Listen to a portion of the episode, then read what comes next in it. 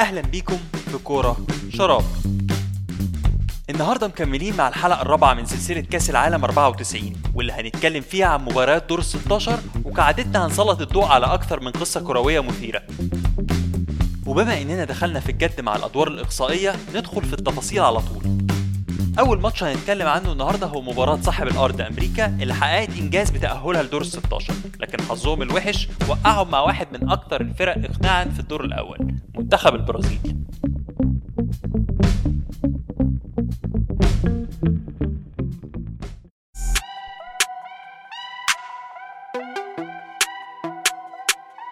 كل العوامل بتقول إن البرازيل مش هتواجه أي مشاكل إن هم يتفوقوا بمراحل على أمريكا من ناحية المستوى الفردي والجماعي. لكن على عكس التوقعات أمريكا تظهر بشكل منظم جدا وتتماسك قدام هجمات البرازيل المتتالية لحد الدقيقة 43 ضربة قوية لمنتخب البرازيل. طرد ال back الشمال ليوناردو. اللي عارف ليوناردو دلوقتي يعرفه هو راجل برنس مدير رياضي لباريس سان جيرمان أو مدرب للميلان وبعدين للإنتر. طوال مسيرته اتسم أداء ليوناردو بالمهارة الفنية العالية والرؤية المميزة. ده غير إنه لاعب خلوق زي هادي خشبة وحازم إمام كده. زي كمال أبو ريا ومحمود الجندي. نرجع تاني للدقيقة 43 ليوناردو يستخلص كورة من تاب راموس صانع ألعاب المنتخب الأمريكي. اللي يمسك دراع ليوناردو وعشان يتخلص منه ليوناردو يديله كوع عنيف في خده عشان يعمله شرخ في الجمجمة. ده انت جبار يا راجل الراجل ما أدركش حجم المصيبة اللي عملها غير لما اتلم حواليه لعيبة منتخب أمريكا وطبعا في ساعتها أخد طرد. Oh, the elbow. Elbow by Leonardo on Tab Ramos. Ooh. And in all of this, we forget the tap still down on the ground. لكن ليوناردو كان كل همه إنه يحاول يطمن على راموس ويحاول يعتذر له الفيفا أخذ قرار غير مسبوق بإيقاف ليوناردو أربع مباريات عشان يضمن إنه ما يلعبش أي مباراة تانية في البطولة على الرغم من النقص العددي إلا إن البرازيل استمرت في السيطرة على المباراة لغاية ما أحرزوا هدف المكسب عن طريق بيبيتو ب assist من روماريو في الدقيقة 75 وبيفوت كويس قوي ماورو سيلفا بيفوت روماريو روماريو روماريو ويلعبها لبيبيتو هو جول هو جول هو جول ويلعبها بالعرض. يا! هو جول بيبيتو! بيبيتو روماريو لبيبيتو بيبيتو بيجيبها جوه جول. لكن قبل ما نودع أمريكا لازم نتكلم عن تأثير كأس العالم ده على البلد نفسها وإزاي غير شكل كرة القدم في بلد ما كانتش مهتمة بالكرة تماما.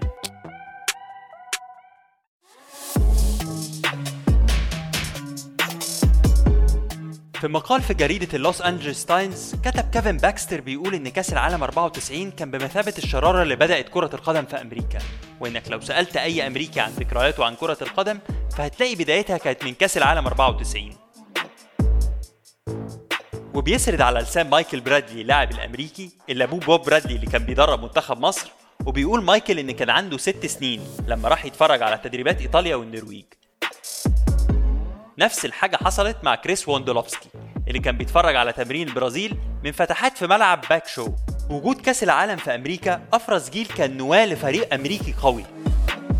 كفاية نعرف إن اللاعبين كانوا جزء من فريق أمريكا في كأس العالم 2014 لكن تأثير كأس العالم كان أبعد وأقوى من جيل من اللعيبة بس. كأس العالم أنقذ الاتحاد الأمريكي لكرة القدم من الإفلاس وخلق دوري محترف بفرق قوية وليها شعبية. بيقول ألين روتنبرج وهو رئيس اتحاد الكرة وقتها ورئيس لجنة كأس العالم إن الكرة كانت على وشك الاختفاء من أمريكا لولا كأس العالم. روتنبرج وعد الفيفا إن بلده لو كسبت التنظيم فأمريكا هتنظم مسابقة دوري قوية. وده بعد فشل أكتر من محاولة وعدم تأهل أمريكا لكأس العالم من سنة 50 لحد 90 وهو الوعد اللي وفى بيه سنة 96 مع انطلاق بطولة الـ MLS الأمريكية لكرة القدم. وبعد 20 سنة اتحولت كرة القدم في أمريكا من الإفلاس لصناعة بتدخل عائدات أكتر من 350 مليون دولار في السنة على حسب مجلة فوربس في 2018 وجذب الدوري الأمريكي نجوم كبار زي ديفيد بيكهام وتيري هنري وروني وإبراهيموفيتش وأندريا بيرلو وكاكا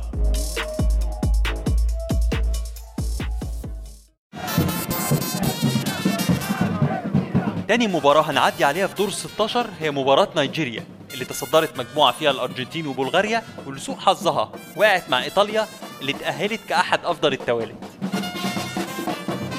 مميزات منتخب نيجيريا هي الانتقال من الدفاع للهجوم. لعيبة أصحاب نزعة هجومية وخط وسط قادر إنه ينقل الهجمة بسرعة. أوليسيه وجورج فينيدي وإيمانويل كانوا بيقوموا بالدور ده بامتياز. قدامهم اتنين مهاجمين في قمة تألقهم رشيد ياكيني ودانيال أموكاشي. وفعلا في الدقيقة 25 أمونيكي لاعب الزمالك واللي هينتقل لسبورتنج لشبونة بعد البطولة يجيب الجون الأول لنيجيريا بعد ما استغل دربكة الدفاع الإيطالي في التعامل مع ركنية جورج فينيدي. اللعب على طول لما تنزل الجول جول جول جول جول جول جول نيجيريا! جول في مرمى المنتخب الإيطالي! وبدون أي رهبة سيطر منتخب نيجيريا على الماتش. موقف إيطاليا اتعقد جدا بعد ما الحكم المكسيكي طرد زولا البديل. زولا اللي ما عداش سبع دقايق على أول مشاركة مونديالية ليه ما كانش مصدق نفسه. بعد ما لبس طرد مش مفهوم في تدخل عادي جدا على مدافع منتخب نيجيريا إيجوافين Zola può andare all'uno contro uno, entra in area di rigore, serie di finte, viene spostato ancora, poi rientra e stavolta l'arbitro punisce il suo intervento e viene espulso. زولا انهار ونزل على ركبه مش مصدق نفسه وخرجوه من الملعب بصعوبة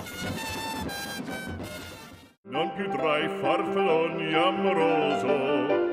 لكن في الدقيقة 88 خرج المارد من الأمم أخيرا باجيو يجيب التعادل. إيطاليا اللي واجهت صعوبات كبيرة وهي بتلعب ب 11 لعيب نجحت إنها تتعادل ب 10 لعيبة عشان الماتش يروح للأشواط الإضافية. كرة اللعب الآن هجمة الآن. اخرم الدم بعد الجول جول! جول! جول! روبرتو باجيو. في الشوط الثالث تنجح إيطاليا إنها تحصل على ضربة جزاء لباجيو. بعد ما لبس إيجوافين فاول سافيك جوه المنطقة زي ما إيجوافين لبس زولا كارت أحمر وقعد يتلوى على الأرض. باجيو نفسه يخش يشوط ضربة الجزاء وتنتهي المباراة 2-1 في سيناريو قاسي جدا على منتخب نيجيريا. باجيو باجيو على طيح العبها العبها بالجول جول جول جول جول. أيضا روبرتو باجيو. باجيو طلع بعد الماتش وقال دلوقتي تبدأ البطولة. مش ليا بس لكن لإيطاليا كلها.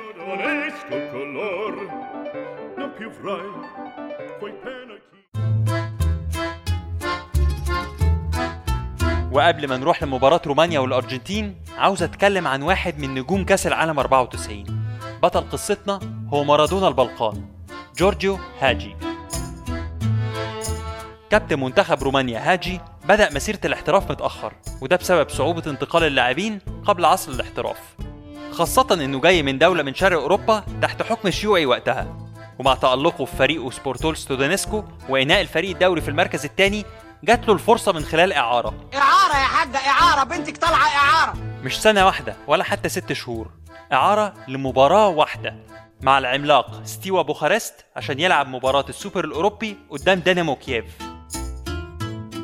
وفعلا هاجي تألق وسجل هدف المباراة الوحيد من ضربة حرة مباشرة. وهنا ستيوا شبط في اللاعب وبالأمر المباشر راح هاجي لنادي الدولة سفير رومانيا في أوروبا. ومع تألقه الشديد ونجاحه في الوصول مع فريقه لنهائي أبطال أوروبا مسماه القديم حاول الميلان ويوفنتوس يضموا له صفوفهم لكن ستيوا كان بيرفض كل مرة. وأخيرا مع تألق هاجي في كأس العالم 90 وقيام الثورة في رومانيا حقق هاجي حلم الاحتراف وانتقل لريال مدريد ب 3.5 مليون دولار. لكن على عكس المتوقع هاجي ما تأقلمش في ريال مدريد اللي كان بيمر مرحلة انتقالية وما كسبش معاهم حاجة غير السوبر الأسباني. وفي تاني موسم ليه خسروا الدوري في آخر جولة لصالح برشلونة.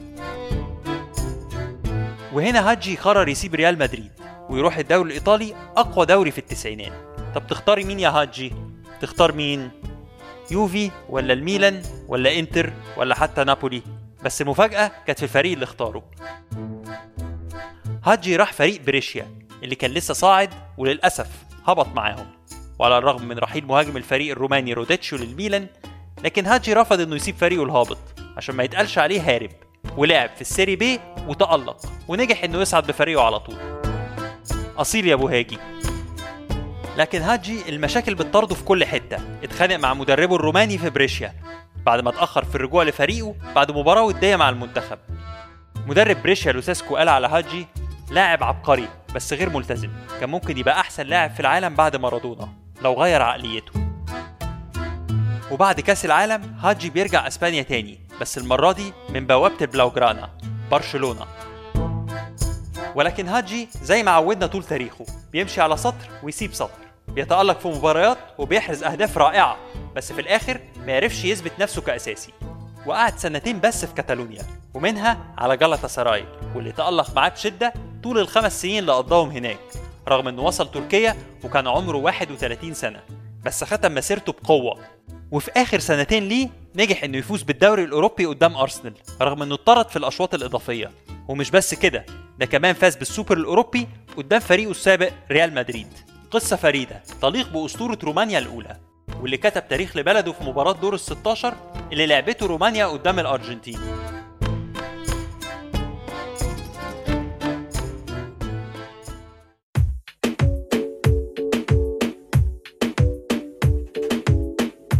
الأرجنتين دخلت المباراة من غير مارادونا المستبعد ولعب مكانه أحد اللعيبة اللي لقبوا بمارادونا الجديد أريال أورتيجا. الفريق لعب ب 4 4 2 بثنائي هجومي مكون من باتيستوتا وأبيل بالبو مهاجم روما في غياب كانيجيا المصاب. على الناحية التانية رومانيا غاب عنها مهاجمها الأساسي رادوتشيو واللي لعب مكانه إيلي دوميتريسكو في مركز المهاجم المتأخر أو ال false nine في خطة أقرب لل 4 6 0 بدون مهاجم صريح وبتعتمد على الهجمة المرتدة والزيادة العددية في نص الملعب. دوميتريسكو ما كدبش خبر. في الدقيقة 11 فاول متطرف على حدود منطقة الجزاء خدع فيها الحارس ولعبها مرة واحدة في البعيدة. هدف أول لرومانيا. الضربة الحرة المباشرة واللفة الواو هوبا جول جول جول جول مش ممكن. يا ولد يا ولد يا دوميتريسكو مفيش خمس دقايق وكان باتيستوتا بيورط برودان في ضرب الجزاء اللي أول ما سند عليه وقع على طول. وحولها باتيستوتا جوه الجون بوش رجله اللي ما بيرحمش. دخل على طول باتيستوتا جول جول جول جول في الدقيقة 15 بس سرعة الماتش كانت رهيبة ودوميتريسكو رد بهدف تاني لرومانيا بعدها بدقيقتين بس. هجمة مرتدة نموذجية. 1 2 ما بين دوميتريسكو وهاجي وصلوا للجون ب through سحري. حولها دوميتريسكو في الجون من لمسة واحدة. ويلعب الكرة حلوة! جول جول مش ممكن! مش ممكن بلياردو! بلياردو دوميتريسكو دوميتريسكو رومانيا ما بترحمش في المرتدات. المرة دي هاجي حطها بنفسه من مرة واحدة ببطن رجله عشان يسجل التالت لرومانيا. هاجي يا ولد يا ولد يا ولد. يا ولد الكورة مثالية للهجمة المرتدة. بعدها جاب بالبو جون تاني ما شفعش الأرجنتين وخرجت من البطولة. وبكده تبقى خلصت حلقتنا اللي خصصناها لأبرز قصص دور ال 16 لكن قبل ما نسيبكم نستعرض النتائج بسرعة. زي ما قلنا فرومانيا خرجت الأرجنتين بنتيجة 3-2 السعودية ودعت البطولة على إيد السويد 3-1 هولندا عبرت أيرلندا 2-0 البرازيل خرجت أمريكا بصعوبة 1-0 بلغاريا تكسب المكسيك بضربات الجزاء الترجيحية. ألمانيا توصل لدور الثمانية بصعوبة 3-2 بعد الفوز على بلجيكا. إيطاليا خرجت نيجيريا 2-1 وأخيرا نزهة سهلة للأسبان قدام سويسرا. 3-0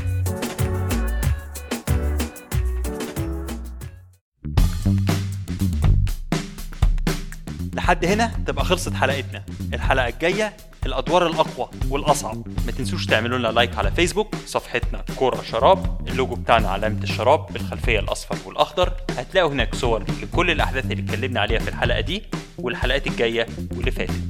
وكمان follow على تويتر وهنرد على كل تعليقاتكم على at كورة شراب واحد ستة. و subscribe على بوديو ويوتيوب عشان تشوفوا وتسمعوا أكتر.